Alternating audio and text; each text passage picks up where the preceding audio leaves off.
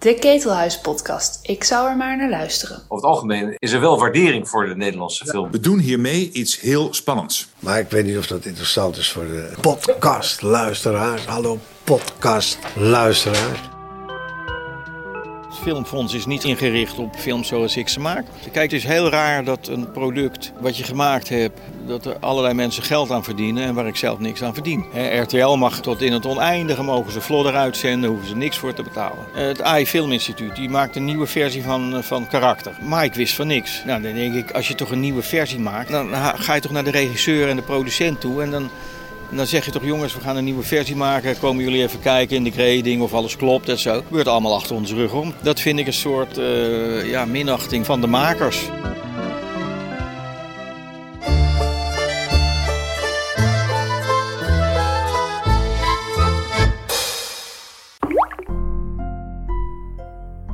Welkom bij de 39e editie van de Ketelhuis Podcast. Dick Maas, wie kent hem niet?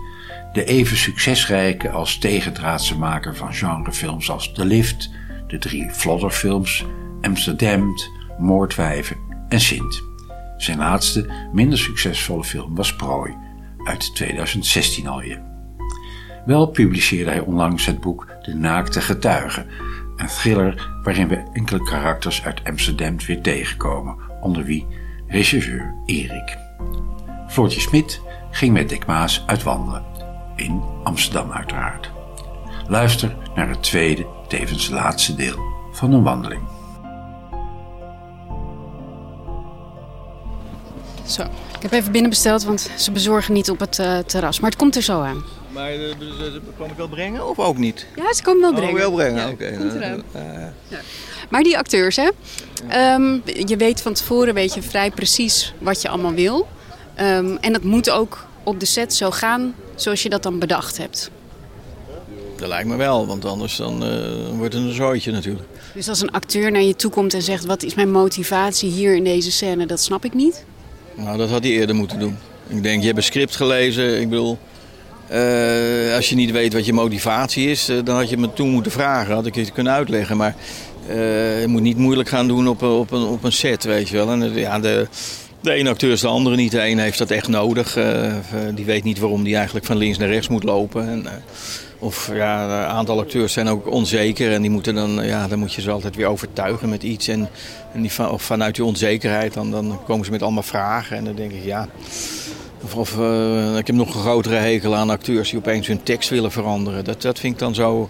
Dan denk ik, nou, je bent niet goed voorbereid, weet je. Die tekst staat er niet voor niks. En als je iets met die, aan te merken hebt op die tekst, zeg, zeg het dan van tevoren. Dan kunnen we er altijd over praten. Maar niet op de, op de set van, kan ik dat woordje veranderen? Want dat kan ik niet uit mijn mond krijgen of zo.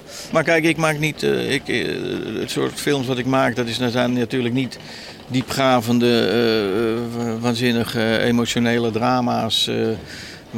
weet je, het is toch een beetje ent- entertaining. En vaak de acteurs bij mijn films worden toch een beetje als eh, eh, pionnen gebruikt, weet je. Dus dat, is niet, eh, dat gaat niet heel diep. Ja, voornamelijk moet ik iets tegen Huub zeggen van... joh, je zit nu in die boot en je, en je hebt het moeilijk. Is, je bent moe en je bent nat en je dit, dit. Ja, weet je, dus dat, dat is veel basaler dan... dan uit te leggen wat, wat in zo'n film als Quiz, wat, wat, wat Barry en, en, eh, en Pierre eh, moeten. Ja, eh, Voel je je daar op je gemak bij? Want ik- in die zin is het natuurlijk een atypische Dick Maas film. eh, nou, daar ben ik, dat is natuurlijk voor mij meer een grotere uitdaging. Dus daar ben ik ook minder zeker van mezelf. Omdat dat, dat is. eh, dat is nou niet eh, per se wat ik eh, het leukste vind. Acteursregie vind ik niet het leukste, weet je. Maar dat, eh, dat is, je moet je ook af en toe ergens toe zetten, weet je wel. En, en als je leuke acteurs hebt. Kijk, ik heb ook films gemaakt met acteurs. En dat was, dat was ja, die waren er niet doorheen te slepen. Zoals toen met, met Down bijvoorbeeld, die, die, die James Marshall, die dan een heel andere opvatting had van zijn rol dan ik. En eh, die speelde daar de hoofdrol, eh, de, de, de, de, de liftmonteur. Eh, veel te zwaar. En ik denk, nou ja, dat, maar dat, uiteindelijk is dat dan natuurlijk mijn fout. Dat ik hem niet heb kunnen uitleggen wat, in wat voor film we zitten. Hij dacht dat het een hele serieuze, ingewikkelde film was. En ja, het was gewoon de lift. Je wilde het met iets meer humor en, en lichtheid. Ja, want hij... eh, oh, daar komt... de Ja. Cappuccino chai latte. Dankjewel. Yes. Zit hier suiker in? Geloof het wel, hè? Ja. Eh, eh, wat, wat was ik aan het zeggen? Dat, eh, nee, hij dacht dat eh, James dacht dat we met een heel realistische film blijkbaar bezig waren. Terwijl dat natuurlijk onzin is. We hebben een lift, lift die mensen vermoord. Doe even normaal. Dus dat, dat begreep ik niet helemaal. Eh, Maar ik zag ook steeds dat hij maar zo, zo, zo serieus en zo realistisch aan het acteren was. Ik zei, breng nou een beetje tong in cheek, weet je wel. Een beetje, houd nou eens wat lichter.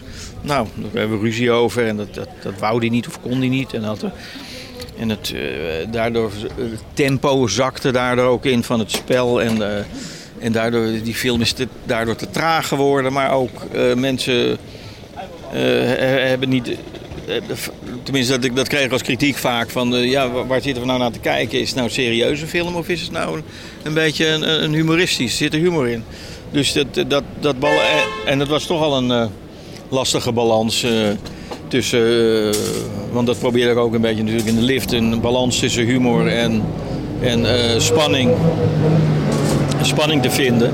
En dat, en, maar goed, als je dan nog eens een acteur hebt die dat dan eh, helemaal niet begrijpt of daar ook niet echt aan mee wil doen, dan, dan wordt dat lastig. Je hebt, ehm, je hebt Tatjana heb je ook eh, gecast voor, voor Vlodder. Die wist je eigenlijk ook meteen dat je die, dat je die moest hebben. Ehm, in die documentaire over jou, die, niet, die net is verschenen, vertelt zij dat ze eigenlijk ehm, dat ze het verschrikkelijk vond om de Oh buurman, wat doet u nu? scène te spelen. Wist je dat? Nee, dat had ik eh, of niet door of ik heb dat verdrongen. Maar dat had ik volgens mij. ehm, nou, nou, ik, kijk, ongetwijfeld, want ik heb een hele goede regieassistent, Mirna van Gilst. Die al jaren dat voor mij doet. En die bemoeide zich altijd, of eh, voornamelijk met de acteurs en zeker met iemand als Tatjana, om die helemaal voor te bereiden op de rol. En, eh, dus dat ging vaak buiten mijn zicht om. En dan kwam er op de set en dan zei ik van nou, dit moet er gebeuren. En, of, en dat wist meer al. Dus die, had, eh, die, die bereidt ze dan voor met de teksten en alles. Eh, maar die zal mij misschien ongetwijfeld gezegd hebben van nou, Tatjana ziet er wel tegenop hoor. Dat zal ze ongetwijfeld gezegd hebben. Ehm, maar dat het zo erg was, dat, dat weet ik. Dankjewel. De tosti. Nou ja, ze zei, wat ze vertelt is inderdaad dat ze, dat ze eigenlijk gewoon de hele dag heeft zitten huilen voordat die eh, scène überhaupt opgenomen Heb ik, dat heb ik eh, gehoord. Ik ben nou met mijn mond vol. Maar... Ja, wacht. Misschien moeten we even wachten. Ja, was die tosti lekker? Even de laatste restjes wegwerken. Ja. We, we- dan, dan pak ik hem gewoon weer op eh, bij Tatjana. Ehm, nou, die moest dus inderdaad huilen voordat ze aan die scène begon. Ehm, ze hadden er beloofd dat, dat, je dan, dat ze twee onderbroeken, dat die man twee onderbroeken aan zou hebben tijdens die, nou laten we zeggen, iets wat onhandige vrijscène. Ehm, maar die moesten allebei uit. Nou ja, eh, ik- ik- de camera stond zodanig dat je zag dat toen die man zijn onderbroek naar beneden, zijn eigen onderbroek naar beneden, zag je dat hij er nog een onderbroek onderaan had. Ja, dat is niet helemaal realistisch natuurlijk. Dus ehm, nee, toen moesten we zeggen, ja nee, dat kan niet, die onderbroek moet uit. Nou ja. Eh, Maar dacht je toen aan Tatjana ook? Of, of heb je daar helemaal niet over nagedacht? Ja, waar, ik weet niet meer waar ik toen allemaal aan dacht. Ik dacht meer aan het, het shot moet er nou op en niet zeuren, weet je wel. En, eh, ehm, ik bedoel, het was ook niet zo dat het iets onverwachts was. Het, ik bedoel, het stond natuurlijk al... eh, sorry, even, even de tossie. Het stond natuurlijk al gewoon in het script en de- we hebben het er natuurlijk over gehad. En Tatjana wist dat ze ook allemaal erotische dingen...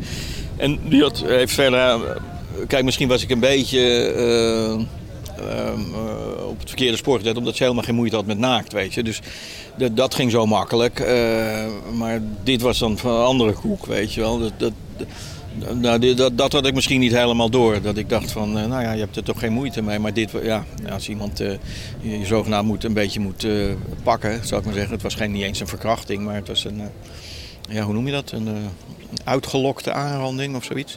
Nou ja, eh, ja, dat was natuurlijk anders. En dat, dat heb ik misschien niet helemaal goed ingeschat. Maar eh, ja, ik, ik begreep eigenlijk pas toen ik die documentaire zag dat, dat ze het er echt heel erg moeite mee had gehad. Maar misschien heb ik het verdrongen hoor. Kan ook dat, dat iemand me dat achteraf wel gezegd heeft van jongens, jongens, dat ging, dat ging niet leuk of zo. Dat weet ik dan niet meer. Maar voel je, heb je je daar dan rot over gevoeld? Nou, toen niet, want denk ik, Nee, maar nu. Nee, dat voel ik me niet rot over. Het is meer dat je dat nu als een anekdote, dan denk ik, oh jee, weet je wel, nou ja. Maar goed, joh, we zijn ook volwassen mensen. Eh, We zijn er nu, dat, weet je, eh, wat moet je eraan doen? Ik had dat misschien, nou, misschien iets anders moeten aanpakken. Ja, kan je dan denken. Zo zullen, er, zo zullen er echt wel meer dingen zijn die ik in het verleden verkeerd heb aangepakt misschien. Nou ja, je hebt Huub Stapel een keer bijna vermoord. Nou, nou, nou, dat is wel een hele boute uitspraak. Hoe weet je dat, wou ik bijna zeggen. maar je bedoelt waarschijnlijk eh, met de, met de boot eh, dat hij uit de bocht vloog. Ja, ja, nou, dat zijn allemaal van die incidenten.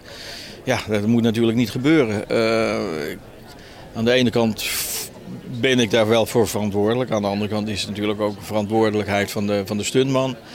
Eh, ik, en ik weet niet of, eh, of iemand mij toen gezegd had van ja, maar dit is heel link, want hij ziet niet hoe hij die bocht moet nemen. Weet je, want daar kwam het op neer. Die, die stuntman die lag eh, de, de boot te besturen, niet, eh, het lag in de voorplecht van de, van de, van de speedboot zat een, lag een stuntman. En die had een klein gaatje hadden ze in, eh, uitgezaagd in, in de voorkant. En dan kon hij zien waar die was. Maar dat gaatje, dat, als je een bocht neemt, ja, dan stroomt dat gaatje vol water en dan zie je dat niet meer. Dus hij dacht al dat hij de bocht had gehaald en stuurde weer terug. En toen vloog hij de, de- tegen de kant aan. Eh, het het had een bocht van 90 graden had het moeten zijn. Ja, maar je zit dus, hè, je kijkt, je, je zit achter de camera, je, eh, je ziet die boot gaan. Wat denk je dan als eerste? Nou ja, eerst denk je natuurlijk van ik hoop dat iedereen eh, oké is. eh, weet je wel. Het is niet alleen Huub die erin zit, maar ook een stuntman. En ik geloof zelfs dat eh, Dickie Beer er ook nog in zat. Eh, maar ja, goed, ik, weet, eh, ik, ik geloof dat ik naar de overkant ben gerend, want we moesten helemaal om. Ik weet het niet meer precies. Eh, ik weet wel dat, eh, natuurlijk, hij moest naar het ziekenhuis. Eh, ik neem aan dat ik toen ook naar het ziekenhuis ben gegaan. Het, eh, ja. Ja, het leek me zo dramatisch.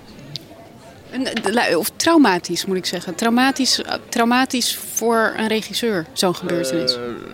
Ja, maar het is, heeft toch ook iets afstand. Ja, ik weet niet of het traumatisch is, maar ik ik heb het natuurlijk, eh, we hebben het vaak, nou ja, ik, zeg niet heel vaak gehad, maar we hebben het natuurlijk ook eens bij, eh, bij moor, waar was het? moordwijven, dat, dat, dat eh, een, stuntman met zijn politieauto eh, tegen ehm, Guido, Guido van Gennep, die op, eh, op een dolly zat, eh, die hem van de dolly reed en zo. En die moest ook naar het ziekenhuis.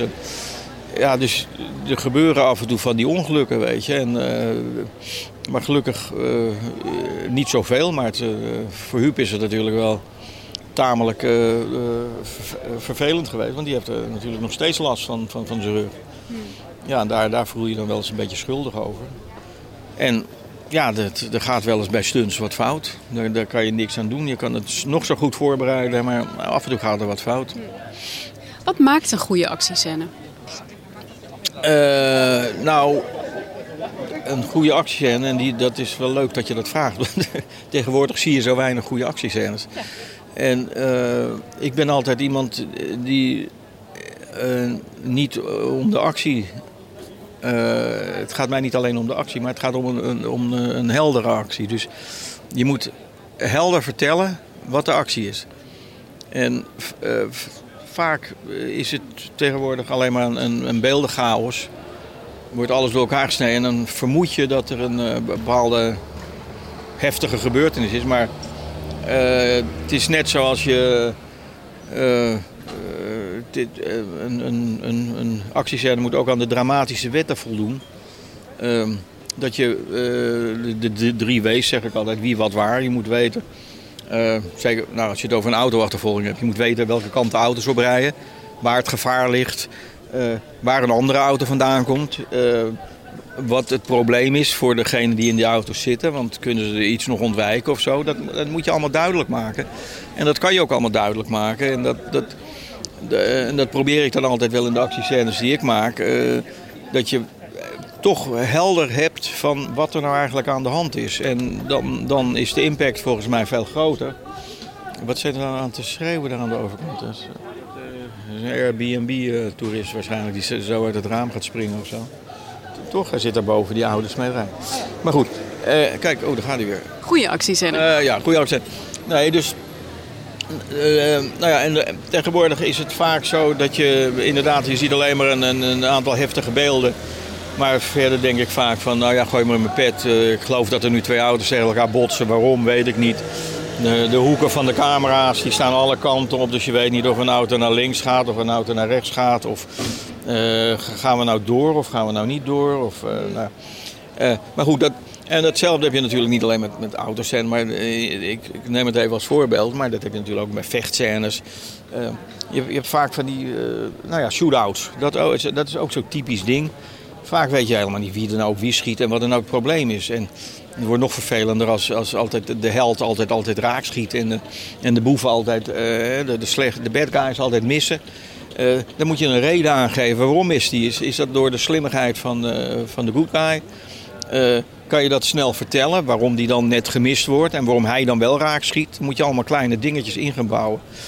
Ehm, Ja, wat ik leuk vind ook aan, aan jouw actiescènes is dat er, er zitten altijd heel veel bijrolletjes in. En dat zijn echt even mensen die je gewoon even ziet. Als je bijvoorbeeld, het is geen actiescène, maar het is een voorbeeld met die, ehm, eh, met die rondvaartboot. Als dat lichaam over die rondvaartboot gaat, dan zie je, nou, ik denk wel 15 verschillende soorten mensen die allemaal een soort eigen mini-verhaaltje hebben, lijkt wel.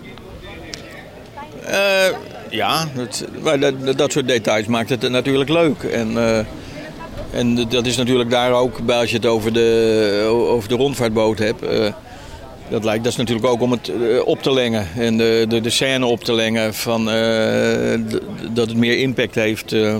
als je alleen maar dat lijk laat slepen, dan ben je in één seconde klaar. Want dan, dan, dus dat, moest een beetje opgelengd worden. En dat, doe je dan met allemaal ja, dat, soort, dat soort beelden ertussendoor. Dat soort... Maar dat, dat vind ik leuk. Je moet er ook iets van maken, weet je. En het moet ook allemaal kleine, ja, vaak een, een, ook een actiescène, of het nou de achtervolging van eh, in, in Vlodder 1 is of in, in, in Doen het de Sturp. Het, zijn allemaal kleine onderdeeltjes die... eh, hè, je hebt eh, nou ja, een bankje met een zwerver die dan net opspringt en eh, waar die dan doorheen crasht en allemaal dat soort dingen. Eh, je moet het, ja, je moet het eh, leuk maken. Bijvoorbeeld in, eh, en, en in dit geval van Vlodder, weet je, dan, dan, dan nemen ze een bocht en dan gaat er zo'n wieldop af en die wordt dan opgeruimd door de man die daar eh, de zonnedaal schoon moet houden en zo. En nou ja, dan heb je weer even een komisch relief eh, moment en dan kan je weer door. En, dus het, ja, ik probeer er een eh, verhaaltjes op zich van te maken, duidelijke verhaaltjes. Volgens mij, hou jij, hou jij meer van actie dan van verhaal? Nee, verhaal staat bovenaan. Nee, ik probeer. Kijk, actie is soms ook een beetje dom, weet je wel. Je, het is op, op een gegeven moment zit je op een soort routine. Eh, want hoe vaak ik hier niet eh, auto's over de gracht eh, heb laten scheuren, weet je, denk je, oh, dan gaan we weer met een politieauto over de gracht. Wordt trouwens steeds moeilijker met al die eh, heuveltjes die ze ingebouwd hebben. Dus je kan helemaal niet meer hard rijden tegenwoordig. Dus in 80 jaar ging dat prima, weet je wel. Nu overal heuveltjes, je kan niet eens over de grachten schuren. Als je al toestemming krijgt überhaupt. Ja, als je al toestemming krijgt. Nou ja, stel dat je het krijgt. Want ik bedoel, voor Sint hadden we dan eh, toestemming. Nou ja, meteen de eerste politieauto die had wel een lekkende karter, heet dat geloof ik. Dat er alle olie eruit loopt omdat hij tegen zo'n... nou ja, die reed niet eens hard. Dan denk ik, jezus, eh, hoe moet ik nou... Nou, dan moet je allemaal oplossingen gaan verzinnen. eh, dat je toch nog een beetje iets kan maken met een impact en zo. Maar eh, Je moet Amsterdam uit eigenlijk. nee, nou ja, Amsterdam uit. Kijk, Kijk, Amsterdam is natuurlijk een hele filmische stad, weet je. En dat, dat is het leuke. En, eh, eh, ik bedoel, maar hoe vaak ik daar niet bij dat kolkje heb gestaan. We, bijna, nou, ik denk drie, vier films. Dat denk, oh, ik sta weer bij dat kolkje. Want kolkje, dat is natuurlijk het, super Amsterdams hoe dat eruit ziet. En dat, eh, waar, waar een paar grachten bij elkaar komen, mooi sluisje, dingen. En eh, waar die, waar, ja, dat, ziet, dat ziet er gewoon eh, heel cool uit, weet je. En eh, dan denk je, ja, dan sta je daar met, met, met Amsterdam heb ik daar gestaan. Ik sta er met eh, Moordwijven weer op dezelfde plek. Ik sta er met uh, Doen het Disturb. Ik sta er- nou ja, eh, ik denk, oh, daar staan we weer, weet je. Eh, elke film denk ik, ja, is dat nou nodig? Ja. Ik wil even naar eh, First Floor Features. Dat heb je opgericht eigenlijk omdat je de vrijheid wilde om eh, allemaal films te kunnen maken zoals jij die voor ogen had. Met die actiescènes, met die humor. Ehm, nou ja, gewoon dat daar geld en vrijheid voor was. Toch? Dat was, dat was het basisidee. Dat, je, dat, je de, dat ik de vrijheid zou hebben. eh, kijk, ik was natuurlijk. eh, ik was niks gewend. Ik had eh, de nette lift gemaakt. En, eh, eh, met Matthijs van Heiningen, dat was mijn eerste producent. Nou, nee, dit was wel mijn, mijn tweede producent, geloof ik, waar ik onder werkte. Maar uiteindelijk eh, is het helemaal niet zo slecht gegaan, weet je wel. Maar achteraf denk ik, ja, ik bedoel, hij heeft me een keertje ontslagen op de set. En we hadden natuurlijk wat, wat problemen met, met acteurs die ik, hij wilde en ik weer niet en zo. Eh, dus ik dacht allemaal van ja, dat moet anders. Eh, terwijl achteraf kan je denken van nou ja, dat is een beetje de usual wat je krijgt. eh. maar ik wilde volledige vrijheid hebben. Ik wilde volledig kunnen zeggen van nou, ik wil die acteurs en die acteur. En daar, daar niet een soort eh, discussie over eh, hebben. Eh, dus ik, volledige vrijheid, ook in het script. Dat, dat ik niet allemaal mensen op mijn dak krijg van, die iets over het script moesten zeggen. Nou, vandaar dat ik dacht van ja, dan, dan... en ik had de mogelijkheid na, na, na de lift, omdat hij het natuurlijk zo goed deed. En een heleboel, of nou niet een heleboel, ja, die werd goed verkocht. Dus hij heeft behoorlijk wat geld opgeleverd. Dus ik had een hele grote, goede credit bij, bij financiers en zo. Dus eh, nou ja, vandaar dat, eh, dat het ook lukte om dat first floor op te zetten. Ja, ik vind het wrangen daaraan dat het uiteindelijk een soort strop is geworden. Dat het eigenlijk precies het omgekeerde heeft gedaan dan wat je ermee wilde. Eh, ja, je kan het niet helemaal zeggen. Kijk, uiteindelijk als je het, de plussen en minnen gaat optellen, dan heb ik daar toch, nou ja, weet ik veel, hoeveel films heb ik daar gemaakt? Een stuk of eh, zes, zeven. Eh, tenminste zelf geregisseerd en dan hebben we natuurlijk een heleboel geproduceerd. Eh, ook televisieseries natuurlijk. Ehm, nou ja, dan kan je zeggen van ja, dat heeft het opgeleverd. Eh, aan de andere kant heb ik ook een heleboel niet kunnen doen. Maar dat wil ook niet zeggen dat ik dat wel had kunnen doen als ik het niet had opgericht. Dus een heleboel. even nog, even nog de, de, die naar boven komt. Nee, maar een heleboel scripts die ik geschreven had, eh, die werden niet gemaakt. En die liggen nu nog steeds eh, op een stapeltje. En, en achteraf denk ik te weten waarom dat niet zo was. En, eh, en dat, dat, ja, dat is dan, geeft dan weer een naar gevoel, weet je. Dat een aantal dingen heb ik niet kunnen doen. En dat ik toch ook weer steeds een beetje een soort dwang voelde om toch maar weer iets met die vlodders te doen. Terwijl ik, ik helemaal niet zo meteen voor remakes was en dat soort dingen. Ja, ik wilde gewo- eh, ik, ik heb er ook niks, ik heb er ook niks op tegen. Maar eh, ik had ook een heleboel andere projecten en die gingen dan steeds maar niet door. Ja, ik kreeg een beetje het gevoel dat je op een gegeven moment... dan, dan hebben jullie inderdaad eh, het karakter geproduceerd. Abel en de Noorderlingen. de- Allemaal mensen eh, de kans gegeven om, om in vrijheid iets te maken. Terwijl jij inderdaad op een gegeven moment alleen nog maar die vlodders aan het doen was. Nou ja, dat is een beetje waar. En ehm, kijk, ik had eind eh 80 jaar had ik een fantastisch leuk script geschreven, The Missing Diaries. Een hele grote actiefilm. Ik dacht van nou, ik heb, ik heb Amsterdam eh, gemaakt. Het is allemaal waanzinnig goed gegaan, goed verkocht. Eh, ik, heb, eh, ik schrijf eh, nu The Missing Diaries. Heb ik nog samen met, met Menno Meijers aan gezitten schrijven. Er ligt een goed script. Het was best duur als je dat zou moeten maken. Het was een internationaal, het was Engelstalig. Speelde in Midden- Midden-Amerika voornamelijk. Eh, grote avonturenfilm. En dan is kan die niet gemaakt worden. En dan denk ik, ja, dat vond ik raar. En dan, maar we hebben wel geld nodig, dus we moeten... Maar goed, dat was net in die tijd dat eh, mm, eh, ook Wings of Fame en eh, Last Island werden ge- gedraaid. Of die werden, waren in de stijgers gezet. En dat waren ook hele dure films, eh, Wings of Fame. Dat, eh, nou, die was, maar die liepen ook totaal uit de klauw, die films. Maar eh, ja, zonder nou te, te veel weer eh, een beschuldiging vinger te maken. Ik denk dat in die tijd dat er geen geld was voor die film van mij, omdat er een andere film, eh, Wings of Fame, moest gemaakt worden. En dat was een soort prestigeproject van mijn partner Laurens Geels. En, ehm, en die, eh, daar moesten allemaal buitenlandse acteurs, Peter O'Toole en Colin Firth en een hele Engelse talige crew. En dat was, nou ja, dat was een film die eh, heel veel geld kostte. En dat, dat ging ten koste eigenlijk van mijn film. Ehm, en dan moest er weer karakter gemaakt worden. Een heel dure film. Nou, dat, daar ging ook weer een heleboel geld naartoe. We zijn heel erg over budget gegaan. Nou ja, dan, dan moet je dat weer oplossen met, eh, met een aantal films van mij. En dat werd toen Down en Doen en Disturb. En dan moest weer... Nou ja, dus eh, het, het, je kan er niet precies de vinger op leggen. Maar het, het kwam er wel op neer dat... dat, er, ja, dat ik helaas een aantal films die ik eigenlijk willen maken... waaronder bijvoorbeeld een hele een grote thriller, eh, midden, midden 90 jaren... Een, ook nog een comedy die erin zat, waar we ook mee bezig waren. En, eh, allemaal Engelstalig. Eh, ja, die kregen we niet van de grond. Je had die, die films die dan net niet lekker liepen. Het waren ook films waar je dus niet heel veel liefde voor voelde op dat moment. Omdat er veel tegenslag bij zat. Je had eh, First Floor waar de financiële problemen steeds groter werden en, en failliet verklaard werd. Toen ben je de rechten op je films kwijtgeraakt eigenlijk. Ehm, financieel voor jezelf was het ook niet fijn. Wanneer raakte je in een soort, raakte je in een soort depressie? Nou, je wil me een depressie aanpraten. Ik probeer dit. Ik bouw dit lekker op. Eh, nou, nee, depressie. Ik, moet, ik, ik, ik, kan niet zeggen dat het eh, na, de, eh, na het faillissement in 2002 was het ongeveer, geloof ik. eh, dat het allemaal zo lekker liep. Nee, dat. maar gelukkig heb ik me ook helemaal niet zo gerealiseerd hoe erg het eigenlijk was.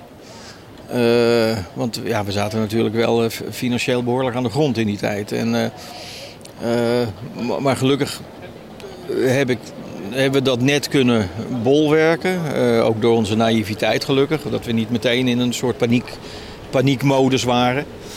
Ehm, maar inderdaad, ik was... eh, ik was eh, nou ja, het grappige, grappige is, het vervelende... Ik ben tot op heden, de dag van vandaag, as we speak... nog steeds bezig met de nasleep van dat faillissement. En eh, hoe het met de rechten zit. Eh, we zijn met, met, met allemaal mensen weer in, nu op dit moment in gesprek.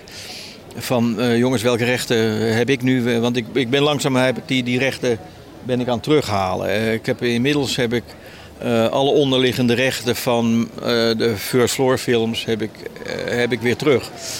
Ehm, maar dat zijn, dat zijn geen licentiesrechten, dus, maar dat zijn de onderliggende rechten. En de meeste licenties van al die films zijn vergeven. En daar verdien ik ook niks meer aan. Dus, Dus als die wordt uitgezonden op tv, verdien jij er niks aan. Dat is een beetje licentierecht, toch? Eh, nou, nou dus, dat is één deel. Eh, Dus is, dat licentierecht. Maar de andere deel is, ik krijg nog wel wat geld via de eh, auteursrechtelijke vergoedingen die je dan hebt. Dus ik, ik verdien er wel wat aan als je uitgezonden wordt. Maar het is natuurlijk niet zo want die, dat ik iets verdien aan de licentie. Want die, die zijn dan of door de curator of destijds door First Floor... Voor de, in de eeuwigheid aan omroepen verkocht en zo. Dus die mogen... RTL mag eh, eh, tot in het oneindige mogen ze vlodder uitzenden, hoeven ze niks voor te betalen. Maar gaat het jou om, om de financiële kant van deze zaak? Of is het ook echt een principezaak? Dat jij vindt dat jij als maker gewoon de eigenaar bent van die films? Nou, het is beide natuurlijk. Kijk, het is, het is heel raar dat een product eh, wat je gemaakt hebt eh, en nog steeds eh, dat er allerlei mensen geld aan verdienen en waar ik zelf niks aan verdien. Dus dat is, dat is heel raar. Maar bovendien wil je natuurlijk zeggenschap en controle hebben over wat er met je producten gebeurt. Je maakt een film en ja, weet je, ik, ik zie dan opeens, wordt er in Duitsland, komt er weer... een vlodder op, ik noem maar wat, de, de vlodderfilm wordt dan uitgebracht op DVD. Nou, daar heb ik helemaal geen zin. Er wordt mij niets ge- gevraagd of zo. En, eh, en dat gebeurt met al die first floor films. Net, eh, kijk, want van Wings of Fame heb ik de onderliggende rechten. Als producentenrechten inmiddels heb ik er allemaal teruggekocht. Maar die film die wordt dan in, in, in Frankrijk wordt die opeens op DVD uitgebracht. Eh, nou, zonder dat de maker, eh, dus Ottokar Fotocheck, wordt daar niet in gecontacteerd. Van, ik weet van niks als producent zijnde, dus dat is... En officieel klopt het allemaal, want dat is... eh, ja, ik heb er ook niks meer over te zeggen, maar, maar net zoals eh, het AI Film Instituut, die maakt een nieuwe versie van, eh, van Karakter. Maar ik wist van niks. Nou, dan denk ik, als je toch een nieuwe versie maakt, een mooie, dan, dan, dan ga je toch naar de regisseur en de producent toe. En dan, dan zeg je toch, jongens, we gaan een nieuwe versie maken. Komen jullie even kijken in de grading of alles klopt en zo. Gebeurt allemaal achter onze rug om. Hetzelfde met, met Lang Leven de Koningin. Er wordt opeens een nieuwe versie gemaakt. Wordt, eh, de makers worden niet gecontacteerd. Nou, dat vind ik een soort eh, ja, minachting van, van, van de makers, weet je. En, En dat, dat vind ik heel raar. Heb je dan, dan heb je, je hebt moordwijf gedaan, je hebt quiz gedaan, je hebt prooi gedaan. ehm Sint. Toch, toch lopen die op een of andere manier niet zo lekker als eh Vlodder en, en de lift. Do- Hoe, hoe kan dat, denk je? Nou, dat zal ik je uitleggen. Ja, leg me Blij uit. dat je dat vraagt. Nee, eh, kijk, bij Moordwijven klopt het niet wat je zegt. Ehm, want die, eh, die heeft het heel goed gedaan. Die heeft in die tijd 400.000 bezoekers. Eh, maar wel, het was een 16 jaar film, meen ik. Als ik het goed heb. Nou, eh, of was hij 12 jaar? Nou, één van die twee, maar het was in ieder geval geen alle leeftijden. En eh, de lift was ook 16 jaar. Die heeft 700.000 bezoekers of zoiets gehaald. Dus eh, Weet je, eh, moordwijven, dat, dat ging best goed. Sint ging nog beter. Die ging eigenlijk, eh, eigenlijk nog veel beter. Maar die hebben ze, voordat die 400.000, die had bijna 400.000 bezoekers, hebben ze hem uit de bioscoop gehaald. Maar die heeft het verder eh, heel goed gedaan. Eh, internationaal hebben we hem meer dan 40 landen verkocht. Dus dat is, kan je ook niet zeggen dat het slecht ging. Kijk, Quiz was weer een ander verhaal. Ik moet ze, ik moet ze even één voor één nemen. hoor. Eh, die deed het hier in Nederland niet goed. Ik geloof, nou, 70, 80.000 bezoekers of zoiets. Eh, en, maar die hebben we ook bewust achtergehouden, omdat er was toen wilden ze hem remaken in Amerika. En toen hebben we de verkoop ook niet gestimuleerd of zo. Dus eh, nou ja, dat is een beetje verzand. En eh, op, op een gegeven moment is er eigenlijk nu niks met die film gebeurd in het buitenland. Dus daar gaan we eigenlijk nu pas weer mee door. Met, we proberen hem al aan het buitenland te verkopen. Prooi, dat was eh, weer een ander verhaal. Eh, ja, daar, nou, daar kan- je honderd eh, redenen voor verzinnen waarom die film het niet gedaan heeft. In Nederland heeft het in- het inderdaad was een, een totale flop. Dat is helemaal waar. Niemand wist ook van het bestaan van die film af, dat die film eraan kwam. Ah, je hebt bij, bij de Wereld Draait Doorgezeten, toch? Met de leeuw en zo. Iedereen wist toch dat die film daar aankwam? Nee hoor, ik heb niet bij de Wereldrijd doorgezeten. Want, dat is ook weer, ik zat bij, eh, eh, hoe heet het, bij Hum- Humberto. Want dat was ook weer gedoe, weet je wel, dan Wereldrijd door. Ja, maar kijk, dat, dat was weer het vervelende. Iedereen wilde dan alleen maar die mechanische leeuw en hoe ik dat gedaan had en zo. Terwijl ik iets had van, ja, maar ik, ik, dat moet je een beetje eh, mysterie houden. Want als je het precies gaat uitleggen, dat vinden mensen helemaal niet leuk. Ja, het is wel interessant voor mensen die in film geïnteresseerd zijn. Maar je moet het grote publiek niet dat als enige geven. En nou, de wereld draait door. Ja, we willen absoluut eh, die, die, die mechanische leeuw en dit. En ik zeg, nou, dat vind ik, vind ik niet goed of zo. En eh, nou ja, en dat- liep helemaal stuk. Nou, Umberto, die, eh, maar die ging ook helemaal over die mechanische, weet ik veel. Dat was allemaal... Dus die deed eigenlijk precies hetzelfde als... nou ja, goed, dit is allemaal prima verder. Maar, maar, eh, nee, maar dat zette dus helemaal geen zoden aan de dijk qua publiciteit. Want ik, eh, ik heb mensen gehoord van mensen die in de bioscoop werkten. Die wisten een week van tevoren niet eens dat, eh, dat de prooi eraan kwam. Terwijl ze de, in diezelfde bioscoop werken waar die wordt vertoond. Nou, dan denk je, jongens, dan is er iets fout in de, in de publiciteit. En ja, dat, dat, dat bleek ook wel. Was, eh, de, die film die opende ook helemaal niet. Weet je. Kijk, als hij nou nog opent, hè, dan gaan een hoop mensen naartoe.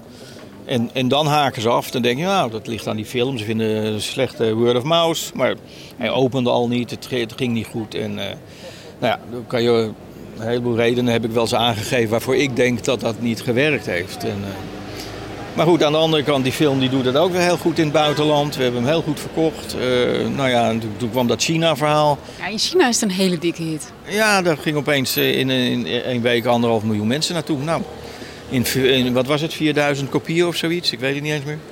Ehm, ja, dat was totaal onverwacht natuurlijk. Maar ja, dan denk je, ja.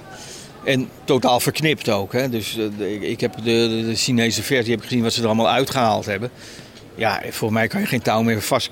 Kijk, al, al- alles wat maar enigszins bloed had, dat moest eruit. Dus Echt? ja, dus ik, heb, ik, heb een, een, ik, ik had een compilatiefilmpje heb ik gemaakt van wat ze er allemaal uitgehaald hebben. Dat was geloof ik eh, iets meer dan een minuut, maar al, al die shots. En nou ja, als je dat, een een paar shots uit zo'n sequence haalt, dan weet je helemaal niet... Ik noem maar wat, eh, eh, de, de hoofdpersoon, eh, eh, Sophie van Winden, die, die sleept dan een bebloed been om een spoor te trekken. Dat die leeuw dan moet volgen om, om hem ergens naartoe te lokken. Als je dat hele shot eruit laat, dan, dan begrijp je helemaal niet wat die leeuw aan het doen is of zo. En dan denk je van, nou ja, waarom loopt hij nou, wat is? Nou, dus je begrijpt de hele... eh, maar goed, al die Chinezen, ja, die hebben er eh, één week zijn ze er waarschijnlijk op de publiciteit allemaal naartoe gegaan. Eh, volgende week ging je alweer naar beneden. Ik weet niet hoe- hoeveel er, eh, zullen een paar, ja, paar miljoen zullen het wel gezien hebben, maar Eh, ik denk niet dat ze het allemaal zo geweldig vonden. En, niet in die zin van, want het hele verhaal was naar gort gesneden. Maar goed, aan de andere kant moet ik daar natuurlijk ook best trots op zijn dat je Chinezen krijgt naar een, een uh, volledig verminkte film. Ja, het zijn er ook nogal wat. Maar heb je bijvoorbeeld, hè, weet je, hebt dan die, die leeuw laten namaken in een, in een periode waarin Life of Pi zo'n zo bijna een fotorealistische leeuw op een vlot uh, had neergezet, bijvoorbeeld. Ja. Um, dat hele the sky is the limit en dat in Nederland toepassen, ben je daar misschien op gestruikeld ook bij Prooi? Ja, nou ja, laat ik zeggen, bij Prooi waren meer dingen aan de hand. Ik, ik heb weinig producties gehad, waarin vooral in de naproductie, in de, in de, de, de postproductie, uh, dat zoveel dingen niet goed gingen. Uh, ik, uh, Life of Pi noem je. Nou, ik heb toen ik begon, toen we nog in de voorproductie zaten, heb ik die, die Nederlander, ik ben even zijn naam kwijt, die daar de visual effects van gedaan heeft. Die heb ik benaderd van, en een scènetje van prooi gegeven van, nou, hier op scène kan jij een soort begrotingje maken van, als jullie dit zouden doen, op het niveau van Life of Pi nou ja, zeg maar wat het kost. Maaltijdbezorger, die wordt achtervolgd door de stad door een leeuw. Nou, wat zou dat kosten? Nou ja, toen kwam die al op, geloof ik, over de miljoen uit. Nou ja, ons hele budget voor de hele film, voor de visual effects, dat was 400.000. dus dat was totaal onmogelijk. tuurlijk, als we die, die, die man die doet het perfect. Ehm, de, de, de, hele film die zou dan misschien aan visual effects al 10 miljoen kosten. Maar wij moeten het doen. Kijk, zij zitten er dan met 40 man, 50 man, misschien wel 100 geloof ik aan te werken aan zo'n live of pij. Ik zit, wij hebben uiteindelijk zitten we met de 10 man de visual effects te doen. Voor uiteindelijk iets van tussen 2 en 300.000 euro wat we daarvoor uh, hebben staan in het budget. Nou ja, dat is natuurlijk geen match. Dus er moet ook niks fout gaan. Ja, weet je, en wij hadden ook uh, 400 uh, visual effect shots en uh, 100 met die een geanimeerde leeuw en zo. Nou, dat, dat kan natuurlijk niet altijd goed gaan. En natuurlijk zijn er 10 shots of zo die er helemaal niet uitzien, omdat, het, omdat we daar de tijd niet en het geld niet voor hadden om dat over te doen of goed te doen. Um, en dan is het steeds, uh, maar dat, dat is steeds waar ik dan in Nederland tegenaan loop. Ik, we hebben, prooi hebben we geloof ik voor iets meer dan 3 miljoen uh, euro gemaakt. Nou, dat is een idioot laag budget voor zo'n film met zoveel visual effects. En ik probeer steeds dat dan wel te, te maken tegen beter weten in. Eigenlijk als je, als je er objectief naar kijkt had ik er nooit aan moeten beginnen. Mm. Want dan denk je, jongens, die film moet 10 miljoen kosten op zijn minst. Weet je, wil je dat goed doen? En ik heb mijn geld erin gestoken. Dave Schram, de producent, heeft al zijn geld erin gestoken. We krijgen alleen wat, we verdienen alleen wat als, we, als die film het gaat doen. Ja, dat is een manier van film maken. En dat heb ik nu, uh, dat heb ik al sinds Moordwijfel eigenlijk gedaan. Steeds maar weer je salaris erin steken, samen met de producent meestal. Steeds maar weer uh, eigenlijk voor te weinig geld mensen zover krijgen om het toch maar te doen. Of de visual effects te doen. Of... Dus dat is van uh, Moordwijven, Sint, Quiz hebben we helemaal niks aan verdiend. Alleen maar eigenlijk op verloren. dat was ook weer te weinig geld. Nou, en, en Prooi is...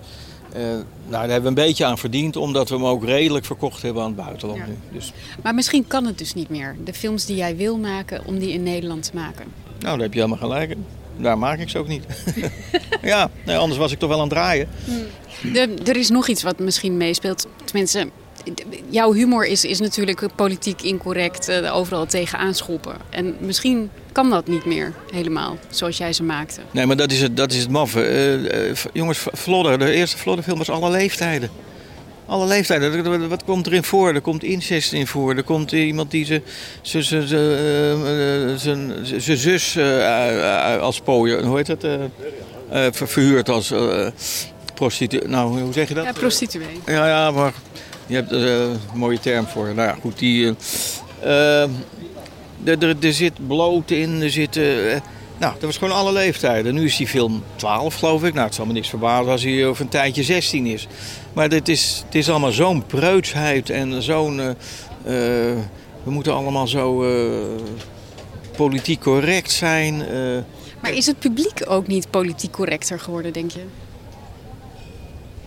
Ja, Eh, maar dat, is, dat, is, eh, dat heeft ook een reden. Ik bedoel, dat is. eh, ik denk dat het voor een groot deel komt omdat we nu heel snel op dingen kunnen reageren via social media. Eh, we kunnen heel snel mensen terechtwijzen. Eh, we kunnen heel snel mensen eh, de zwarte piet toespelen. Iedereen wordt voorzichtig. Niemand, niemand wil dat, weet je wel. Dus ze durven niet meer. Ik denk dat, dat, dat je dat de laatste twintig jaar vooral eh, ziet. eh, dat dat toeslaat. Eh, iedereen is bang om iets verkeerd te zeggen. Je, eh, eh, weet je, in, in, in, de Vlodder-serie zit een, eh, zit een opmerking, dus in een van de afleveringen hoor. Dat gaat over, over sekslijnen, wat sekstelefoonlijnen. En dan zegt, nou, is één, één van die dingen, dat noemt Johnny, een van die nummers die je kan bellen, dan, dat heet dan hang, hang je leuter in een kleuter of zo. Van de, de kinderpornolijn of zo. Ja, zoiets zegt hij geloof ik. Dat, dat snijden ze er nu uit. Dat is gewoon uitgemonteerd. Nou, dat, dat is inderdaad, kan je zeggen, ja, dat, in die tijd nou, ik heb er nauwelijks iemand eh, over gehoord. Of eigenlijk, ik kan me niet eens herinneren dat er iemand eh, daarover gevallen is. Dat werd gewoon uitgezonden, niks aan de hand. Eh, ja, nu is het meteen van, oh jee, dat kan je niet meer zeggen natuurlijk, weet je. Nee, je, ja, v- ja, vast niet, weet je wel. maar we zijn allemaal zo preuts. En, Maar pas je je scripts daarop aan? Eh, nou, ik, ik, het is niet zo dat het, mijn scripts nu allemaal dit soort dingen behandelen. eh. Eh, ik weet niet of ik er zo over nadenk eigenlijk. Want kijk, ik, ik heb eh, toen in, in Moordwijven ook nog, eh daar zit ook iets, een, band die heet dan daar de Fu- fucking Holocausters of zo. Ja. Toen kreeg ik daar wel wat opmerkingen over, zo van, zou je dat wel doen? Ja, ik heb iets van, die bands zijn er, weet je wel, die op het randje, eh, die- bestaan gewoon. Dat is dus, laten we nou niet net doen of we geen nazi-achtige bands meer zijn, weet je wel. Dus de fucking holocausters. Nou, dat eh, kan wel. Maar goed, op dat niveau zit het een beetje. Maar eh, ik kan me niet herinneren dat ik... dat ik nou, even kijken, in mijn laatste films... veel rare dingen. Want zit er in prooi iets wat, wat eigenlijk mensen over kunnen vallen? Ik weet het eigenlijk niet. Tarantino heeft ook net een, eh, een boek gemaakt, hè, trouwens, van zijn film. Een boek van zijn film? Ja, hij heeft eh, Once Upon a Time in Hollywood heeft hij een boek ook over geschreven. Als zijnde gewoon een verhaal? Of Als een roman, maken? net als wat jij hebt gedaan met Amsterdam. Heeft hij dat zelf geschreven? Ja. Oh, knap. Ook knap, moet ik zeggen. Nou ja, wat ik, wat ik dacht was, hij, hij wil echt een beetje stoppen met, eh, met filmen ook. Z- Heb jij het al opgegeven? Nou, opgegeven is een groot woord. Ik, ik ben nog wel zo. eh, er liggen nog zo halve scripts klaar. En eh, ja, ik hoop. Eigenlijk lijkt me het leukst om nou een, nog een tv-serie te maken, weet je. En ik heb een heleboel pitches heb ik gehad de afgelopen jaren. En het, eh, ja, het komt er maar niet van, weet je. En dan denk ik, eh, ja, totdat er eens een, eh, een streamingdienst zegt van... ja, dat is een leuk idee, laten we, laten we dat eens gaan maken, weet je. En, want daar zit tenminste nog een beetje geld om, om dingen gefinancierd te krijgen. Een, een film in Nederland, nou ja, wat ik zeg... er moet iemand met een zak geld komen, maar ik zie het, het, het filmfonds is niet geri- ingericht op films zoals ik ze maak. En distributeurs eh, eh, hebben er geen geld voor over. Dus het is, het is heel anders dan, dan vroeger. Dus ehm, ja, opgegeven. Ik, wil, eh, ik heb iets van nou, ik, ik heb het op een zacht pitje gezet. Totdat ik een mogelijkheid zie dat je weer films op mijn niveau hè, kan. misschien staat er een, een man, iemand op met, die hoop aan de, aan de, eh, hoe heet het, aan de COVID-crisis heeft verdiend met mondkapjes of zo. En die zegt van hier heb je 10 miljoen om een film te maken. Ja, dan kan ik eens aan de slag, weet je. En, eh, maar zolang dat niet zo... Ja, ik, ik vermaak me heel erg met die boekjes nu, eh, de boeken schrijven. Ik vermaak me met... Ja, maar er zijn nog tien andere dingen waar ik niet eens... eh, nog, ik bedoel, er ligt ook nog een, een Flodder musical ligt klaar. Dus dat is ook af en toe... Er liggen allemaal projecten ook nog in Duitsland die mensen willen doen. En eh, eh, nou ja, nu net weer eh, willen ze in Mexico een remake van, van Moordwijven maken. Nou, hartstikke leuk, weet je wel. Dus daar moet ik me ook allemaal mee bezighouden. Dus ik, eh, het, het is druk zat. En, eh, maar het is, het is jammer dat ik, eh, ja, dat ik me niet mijn tanden nu kan zetten in een van de uh, leuke film. Terwijl uh, de scripts klaar liggen, zal ik maar zeggen. Ja, Tarantino stopt omdat hij zegt: het is, ik ben klaar. Um, en, en dit is zeg maar het hoogste wat ik kan halen. Het is nu af. Maar dat gevoel heb jij helemaal niet. Jij wil gewoon door nou ja. eigenlijk. Nou, ik, ik kan me heel goed voorstellen wat hij zegt. Want op een gegeven moment heb ik ook een beetje het, het herhalingsgevoel van ook zit weer. Maar weet je wat het ook is? Het is ik heb een heleboel projecten en scripts geschreven die gewoon anders waren dan waar ik mee bezig was. En dat eh, was ook in het verleden zo. Eh, dat, ik een, dat script waar ik het over had, wat ik in Zuid-Amerika, over die filmjury, dat is een, was een ander soort script dan ik tot nu toe gemaakt had. En, en dat was iets waar ik echt dan dacht van, nou ja, weet je, dat kan ook. Maar dat is weer eens iets nieuws. Dus op het moment dat je een soort nieuwe, nieuw ding hebt... Uh, maar kijk, prooi was natuurlijk niet een nieuw ding. Dat was een beetje eh, weet je wel wat ik alles gedaan had. En dan nu met, uh, met een leeuw en ook wel weer leuk en uh, Maar het is niet een heel ander ding. En ik heb een aantal dingen liggen die wel een ander ding zijn. En waar, waar die mij ook weer verrassen. En prooi verraste mij niet zoals film, zou ik maar zeggen. Omdat dat bekend terrein was. Dus ik zou heel graag gewoon iets, weet je wel, iets nieuws. Maar kom je bijvoorbeeld bij die... ik had al nou, wat is het, 15 jaar geleden gepitcht bij, bij Talpa was dat toen. Een, een, een serie over, uh, van een groepje die in Nederland die bovennatuurlijke zaken onderzoekt. Een, uh, een, een, beetje jong adult sfeer was het. Scripts voorgeschreven, et cetera. Ja, toen werd er gezegd van ja, ja, we moeten eigenlijk iets hebben als Charlie's Angels en zo. Ik dacht, nou, Charlie's Angels, dat is 70 jaar. En ja, maar bovennatuurlijke zaken doen het niet in Nederland. Nou, weet je wel, Daarna kwamen al die Amerikaanse series, weet je wel, die allemaal, eh, niet alleen de X-Files, want die was er al, maar daarna nog, uh, weet ik veel, Medium en hoe ze allemaal heet. allemaal, uh, allemaal succesvol. Nou, dat was een serie dat ik dacht van, nou, dat was weer eens iets anders in Nederland geweest. En dat had ik graag gemaakt. Die, die serie ligt er nog steeds. Het is nog steeds niet iemand die zegt van, leuk, weet je wel. Het is altijd van, ja, maar nee, dat, dat willen mensen niet zien en laten ze durven niks nieuws te maken. Het moet altijd ergens op lijken. Het moet inderdaad, het moet Charlie's Angels zijn. Of het moet een, uh, ja, een vrouwelijke politieagent zijn. Of het moet, ja, weet ik veel. Het moet altijd ergens op lijken. En dat, uh, ja, dat vind ik wel heel vervelend dat niemand de guts heeft om nou eens gewoon te zeggen van... hé, hey, goed idee, we weten niet of het werkt, laten we het proberen. Tot zover deze Ketelhuis podcast. Je vindt de Ketelhuis podcast in je favoriete podcast app en natuurlijk op onze website ketelhuis.nl slash podcast. Abonneer je vooral zodat je geen enkele aflevering mist en leuk als je een reactie achterlaat. Hou ons in de gaten, we zijn snel weer terug met een nieuwe podcast.